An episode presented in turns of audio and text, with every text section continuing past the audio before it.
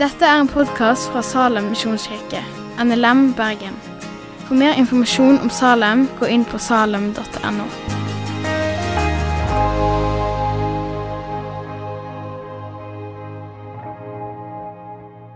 I kapittelet ja, så er det tre ulike fortellinger. Jeg tenkte å ta den første. Um, det, så det er fra, i kapittel 7 i Markus, fra vers 1 til 23. Overskriften er 'Menneskebud og Guds bud', og det handler om gudsrelasjonen vår. Jeg vil lese bare to nøkkelvers fra teksten, for den ble lest i stad. Um, men når fariseerne kommer her og spør Jesus hvorfor vasker ikke disiplene hendene, og dette er jo ting vi pleier å gjøre, eh, og lurer veldig på dette, så svarer Jesus eh, på en måte som gjør deg ganske irriterte. Det kan vi lese mye i Matteus. Det er ikke helt fornøyd etterpå. Han sier noe som er en profeti fra Jesaja, som jeg ble delt i åpningen. Det var veldig fint. Dette folket ærer meg med leppene, men hjertet er langt borte fra meg. Forgjeves dyrker de meg. For det de lærer, er menneskebud. Dere har forlatt Guds bud men holder fast på menneskers overlevering. Og Så gir han et eksempel på dette. Og så sier han ikke noe av det som kommer inn i mennesket utenfra, kan gjøre mennesket urent.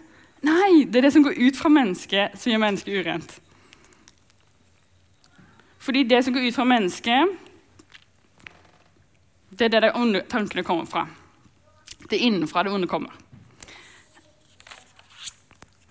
Så Jesus formidler her noe av hva han har sagt gjennom hele Gamle Testamentet. Fordi Guds bud har egentlig innhold som peker på noe større. Han vil ha hjertene våre.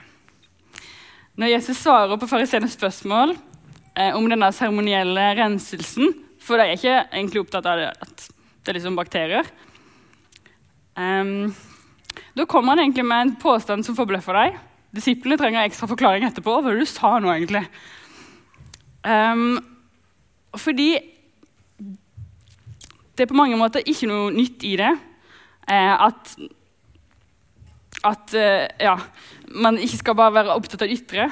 Gjennom hele Gammeltestamentet så fordømmer Gud en ytre demonstrasjon av religion. Eh, men at vi da gjerne praktiserer ondskap i virkeligheten. Men det som var så annerledes det er at Jesus er ute og overstyrer de seremonielle lovene i Gammeltestamentet. Det er ting som har vært før, som de reagerer på.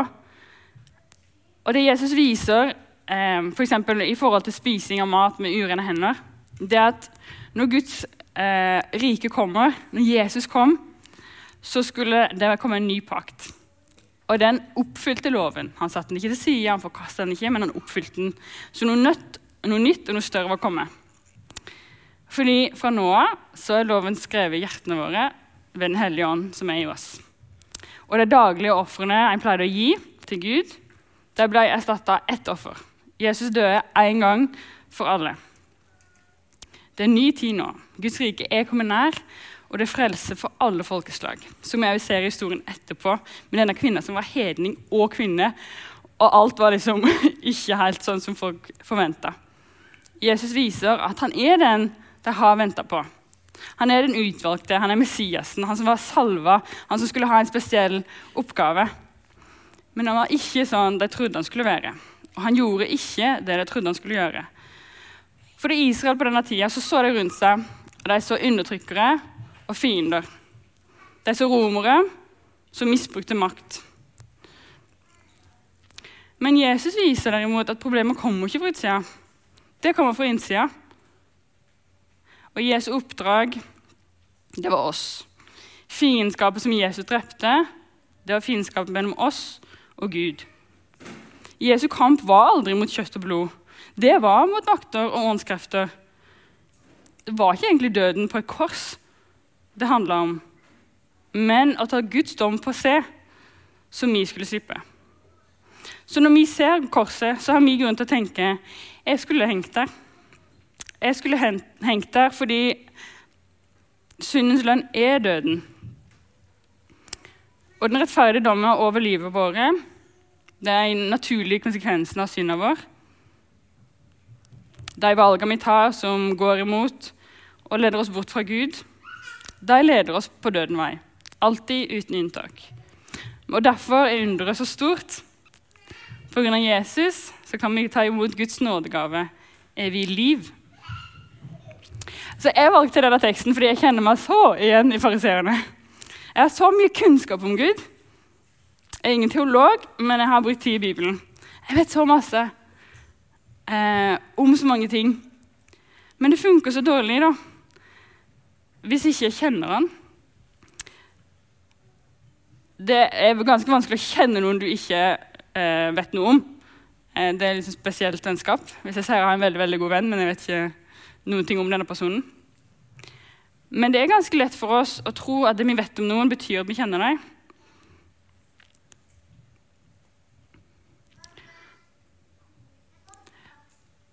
Så sånn som fariseerne I møte med Gud så har jeg en sterk overbevisning ut fra det jeg vet. Men jeg strever med å la det få prege sånn jeg lever. Igjen og igjen så spør jeg om en oppskrift fra Gud på åssen jeg kan leve.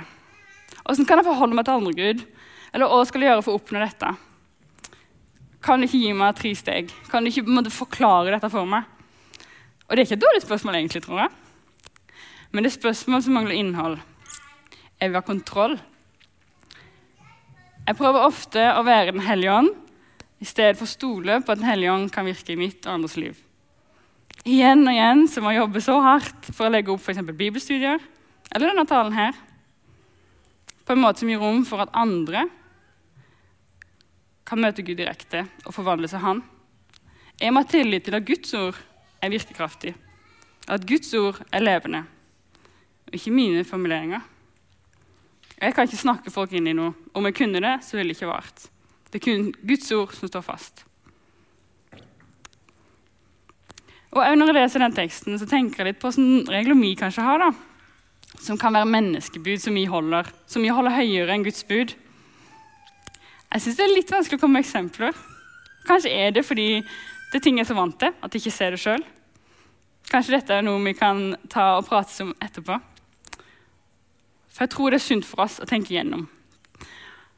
Og er det vi gjør som kanskje ikke er det Gud egentlig vil vi skal gjøre? Noe godt som ødelegger for noe bedre. Et litt sånn enkelt eksempel er kanskje under korona, når vi skulle ha én meters avstand. Jeg husker jeg gikk hjem en kveld og så så jeg en mann som lå på gata. Jeg skulle jo holde én meter avstand. Jeg brøt den regelen, da. Eh, for jeg ville sjekke at det gikk bra med han. Han hadde fått i seg litt for mye, da, så han stabla seg på beina etter hvert. og det gikk ikke bra. Men det var en regel jeg brøt fordi jeg skjønte at koronareglene det handla òg om avstand for å beskytte noen andre. Så budet om én meters avstand det handler om at vi ønsker å ta vare på hverandres helse. Et bud er brøyt for å prøve å ta vare på andres helse. Så fariseeren i meg er litt sånn du må ha avstand. Men så er det noe der som handler om nei, det handler om noe større. Men jeg gikk tilbake til den én meter etterpå, fordi det er egentlig en god regel. Men Jesus avslører da hvordan fariseerne ærer Gud i det ytre, men har hjerter som er langt borte fra ham.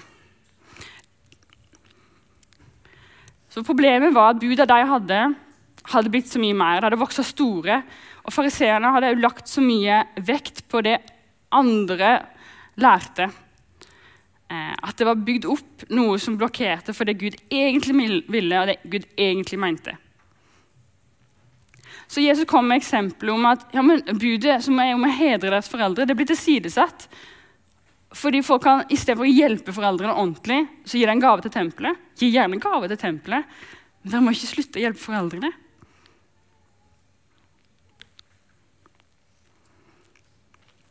Han bruker muligheten, Jesus bruker muligheten til å snakke om hvordan det står til med vårt indre. Han viser at det vi skal være opptatt av å rense, er hjertene våre. For det er der det onde kommer fra. Det er fra menneskehjertene de onde tankene kommer. Han nevner en hel rekke ting som ingen av oss hadde vært veldig stolte av. Og Han konkluderer med at alt dette kommer innenfra og gjør oss mennesker ureine. Jesus ser ikke ut til å like den populære ideen om at alle er gode på bunnen. Hva tenker vi om dette? Hvis jeg er urein pga. det som kommer innenfra, sånn som Jesus sier i teksten, da sliter jeg. Da er jo ondskapens kilde i meg. Da nytter du ikke å vaske hendene. For vi vet jo at hvem som helst kan vaske hendene i tide og utide. Men hvem kan rense et urent hjerte? Hvem kan egentlig det? Og så føles ofte synden så god og behagelig. Det er ikke alltid synden vår virker så veldig alvorlig. gjør den det? Noen ganger kan det til og med virke riktig. Av og til kan vi gjøre noe galt fordi vi vil godt. Vi trenger hjelp til å navigere. Jeg tror synden er nesten som en sånn sløvende gass. Den er kanskje behagelig stund, men den er livsfarlig. Og når vi er sløva, så er blinde for vår egen synd og for konsekvensen av den. Er vi villige til å våkne opp og åpne øynene selv om vi ikke liker det vi ser? Vil du bli gjort oppmerksom eksempel, og bli bevisst eh, ubevisst synd, og det du allerede vet er galt? Ønsker vi å endre oppførsel og gi avkall på det vi er så glad i? Våger vi å se skaden vi påfører andre? Hvordan skal vi møte vår egen ondskap? Fordi Vi ønsker jo veldig gjerne at medmenneskene våre skal være hellige. For hadde de vært hellige, så var de som Gud. Da ville vi møtt hellighet og troverdighet og trygghet. Da hadde vi hatt mennesker vi kan stole på, som ikke endrer forklaring, som aldri bryter løfter. Vi ønsker jo ikke å bli skada og gjort vondt mot. Problemet er at vi gjerne ønsker å møte hellighet, men ikke sjøl være hellige. Vi ønsker ikke å bli holdt opp mot den samme standarden som vi vil at andre skal leve etter. For det er en standard ingen av oss makter å leve opp til. I vår tekst avslører Jesus fariseernes hykleri. Det er ganske brutalt, men kanskje vi skulle ønske det skjedde med oss? Kan det stemme at mange av oss er livredde for noe vi egentlig lengter litt etter? Kan det hende noen av oss skulle ønske at ei dør gikk opp og lys kom inn, der vi sitter i mørket, men øynene festa på forvrengt kjærlighet. Skulle vi ønske noen spurte oss om skatteoppgjøret egentlig stemmer?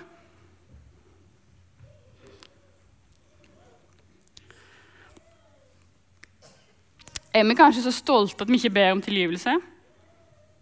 Lirer vi av oss blodrøde, hvite løgner for å unngå ubehageligheter? Bruker vi påvirkningskraften vi har, til egen vinning? Det forkastelige vi dømmer andre for. Gjør vi det samme sjøl? Det at noen avdekker det gale vi gjør, det kan være en lettelse. Vondt, men allikevel. Så aner vi, så vet vi at der sannhet er, der er det frihet. Når Jesus avslører oss, så kan det være brutalt. Men han håner ikke, han spotter ikke. Han kommer for å rense og forvandle oss. På vårt mest sårbare er vi i de tryggeste hendene. Jeg har sjøl blitt konfrontert av og til. Jeg ble spurt rett ut er du sjalu, Borghild. Det hadde jeg ikke visst å svare på. Da Gud viste meg en gang hvordan jeg hadde baksnakka Anna, da kjente jeg meg avslørt. Det var vondt å bli fortalt av venninna mi at hun ikke følte seg verdsatt av meg. Det var vanskelig når jeg innså at jeg måtte tenke over hvordan jeg oppfører meg i møte med venner som ikke er single. Jeg må gi Gud rett i at jeg har et hjerte som gjør meg urein. Kanskje jeg ikke er den eneste. Kanskje har vi lignende opplevelse. Har vi hjerter som trengs å renses? Hvordan skal det gå til? Det er kun én som kan rense deg. En som ikke er uren som oss, men som er ren. Når hjertene våre fortsatt er langt borte fra Jesus, forblir det som før. Men hva skjer om hjertene våre kommer nær han? Hva skjer når vår ondskap møter hans godhet? Med sin sannhet tar Gud bort bandasjen og blottlegger våre infiserte hjerter. Så kommer han i sin nåde med legedom og forvandling. I sin kjærlighet lar han oss komme i ukomfortable situasjoner som vi kan leve. Leve livet i overflod i stedet for å ligge i en dødelig drøs. Så stor er Guds kjærlighet, så stor at den røsker i oss, driver ondskap ut, tvinger oss til omvendelse og forvandler oss. Guds kjærlighet er tålmodig og velvillig. Den krenker ikke, den søker ikke sitt eget. Han ga seg sjøl. Gud gjemmer ikke på noen. Han gleder seg ikke over urett. Gud har sin glede i sannheten. Kjærligheten fra Gud er unik. Den er sjelden vare. Guds kjærlighet tar aldri slutt. I møte med oss sjøl og sannheten om vår egen ondskap så trenger vi sannheten om Gud. Her kommer det fantastiske. Gud er ikke et menneske. Gud er den han sier han er. Gud er Gud, Han er hellig, han er god, han er helt ren. Kommer til Gud, er han annerledes enn alle andre vi har møtt. Han er til å stole på. Det fins ingen bekjennelse han ignorerer, ingen tilståelse som han overser, ingen omvendelse som han ikke tar imot med åpne armer. Angrende syndere møter aldri Gud og går bort derfra på samme måte. Kommer vi med våre mørke og ødelagte og forvrengte liv, så kan vi vandre videre i Jesus. I liv, i legedom, i renhet, i hellighet, herlighet og heilhet. Gud fullfører det han starter. Han vil aldri i evighet støte oss bort.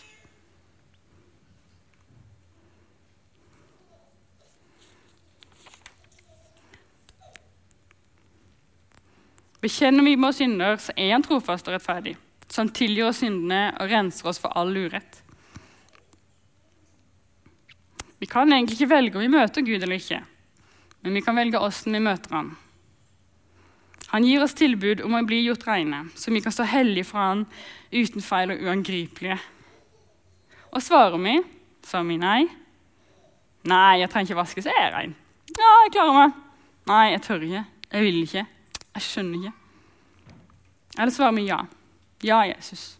Om du vil, så kan du gjøre meg rein. Sier vi det siste, så vet vi at svaret alltid er 'jeg vil bli rein'. Vi kan gi Gud rett i at vi er skyldige, selv om vi ikke føler oss skyldige. La oss be Den hellige ånd om å vise oss vår synd og bekjenne den. Kanskje har vi spora litt av, sånn som Jesus viser at fariseerne og generasjonene før har gjort. Noe skurra selv om vi så ut til å stemme. Så mange av oss hadde de så sterk gudstro, men en veldig svak gudsrelasjon. De dyrka Gud, men forgjeves. For det det fulgte, var menneskebud Hjertene var langt borte. Vi kan òg gi Gud rett i at vi er tilgitte, selv om vi ikke føler oss tilgitte. Vi er kalt til frihet. Likevel er det mange av oss som delvis prøver å sone sin egen synd. Vi fortsetter nedtrykte over egne feil og fall etter at vi har tatt det til Gud. Og bibelsk er egentlig det? Egentlig så tror jeg ofte dette er knytta til stoltheten vår. For Vi tenker at alle andre kan synde, men vi, vi er jo skikkelige folk. Det avslører at vi, vi tror vi er bedre enn vi er. Og En annen grunn til at vi sliter og fortsetter med bøyd rygg, er kanskje fordi vi ikke stoler på Gud, på sannheten om Guds tilgivelse. Vi lurer på om han virkelig har tilgitt oss, om han kan tilgi oss. Og la det stå klart for oss at Jesus hang ikke på det korset uten grunn. Han kom for å lege syke, for å sette fanger i frihet og redde det hjelpeløse. Det er jo oss. Og la det stå klart at ingenting er umulig for Gud. Det fins ikke noe han ikke kan tilgi, ingen flekker han ikke kan rense, ingen hjerter han ikke kan forvandle. Vi har ingen grunn til å bli overraska over egen syn, og heller ingen grunn til å gjøre noe annet enn å forvente å komme i fristelse. Derfor må vi være på vakt og hjelpe hverandre. Vi blir oppfordra til å bekjenne syndene for hverandre og be for hverandre, så vi kan bli helbreda. Og Gud er trofast mot oss. Han vil ikke la oss bli frista over evne. Nei, når vi blir frista, da vil han vise en utvei, så vi kan holde ut noen av mine beste valg er når jeg har gått til noen jeg stoler på, medvandreren min eller andre, snakker med om tro og sier dette er vanskelig for meg. Kan du hjelpe meg å navigere dette? I møte med denne personen må jeg sette grenser for ikke å gå for langt. Kan du holde meg ansvarlig? Jeg håper at vi kan være et fellesskap her som lever dette. Som ikke blir overraska over at vi er en gjeng med syndere som faller og gjør galt. La oss minne hverandre om at i Jesus så blir vi vaska reine. Og han døde en gang for alle. Vi er blitt adoptert inn i en familie nå. Vi trenger ikke være redde for om vi er Guds barn eller ikke. Men i den familien så må vi rette opp når det skurrer relasjonene. Når det er noe mellom oss og Gud, så må det gjøres opp. Men han vil lede oss, og han vil hjelpe oss. Hvilke nyheter er bedre enn dette? At om Gud vil, så kan han gjøre oss reine. Og han sier ja, han sier kom, her er jeg. Jeg er ikke overraska over din synd. Det er derfor jeg kom. Jeg vet du er syk. Jeg Er jeg lege? La meg bare be for oss til slutt. Gud, vi kjenner lysten til det onde i våre hjerter. Her er vi, her er vår synd. Kan du ta den på deg, så den slipper tak i oss? Kan du ta vår ondskap bort fra oss og fylle oss med din gode ånd? Takk at vi kan komme fram for deg med tillitsfull frimodighet, med visshet om at du renser oss. Takk at du sier til hver enkelt av oss Her, kom, la meg lede deg ved hånden og lære at å kalle meg far er mer enn du tror du har. Jeg har kalt deg med navn, du er min. I denne, ingen, I denne familien er ingen av barna perfekte ennå. Men jo mer de er sammen med deg, Gud, jo mer vi søker deg, jo mer så lærer vi rytmene i ditt fredsrike. Gud, her er vi. Ta oss og frels oss og redd oss. Gjør oss reine. Amen. Takk for at du har hørt på podkasten fra Salem, Bergen. I Salem vil vi vinne, bevare, utruste og sende. Til Guds ære. Vi ønsker å se mennesker finne fellesskap, møte Jesus og bli disippelgjort her i Bergen og i resten av verden. Vil du vite mer om oss, gå inn på salem.no.